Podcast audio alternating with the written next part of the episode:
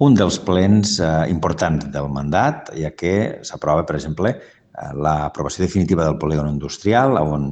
contemplem generar oportunitats i llocs de treball amb noves empreses, l'aprovació de tres cales segona fase, en aquest cas a la zona de la mar, això sí, és, una, és un compliment de sentència, estem obligats a fer-ho, l'aprovació també de la modificació del POUM amb temes renovables, aquí ens dediquem a protegir i a ordenar eh, quin tipus d'instal·lacions renovables, sigui eòlica, fotovoltaica, poden en el nostre terme municipal, l'aprovació de l'acord del conveni laboral amb els treballadors i treballadores, modificació de crèdit que ens permet activar la partida de mobiliari de la biblioteca. I també, amb aquesta modificació de crèdit, els recursos econòmics per a poder licitar les obres del camí de Trescales.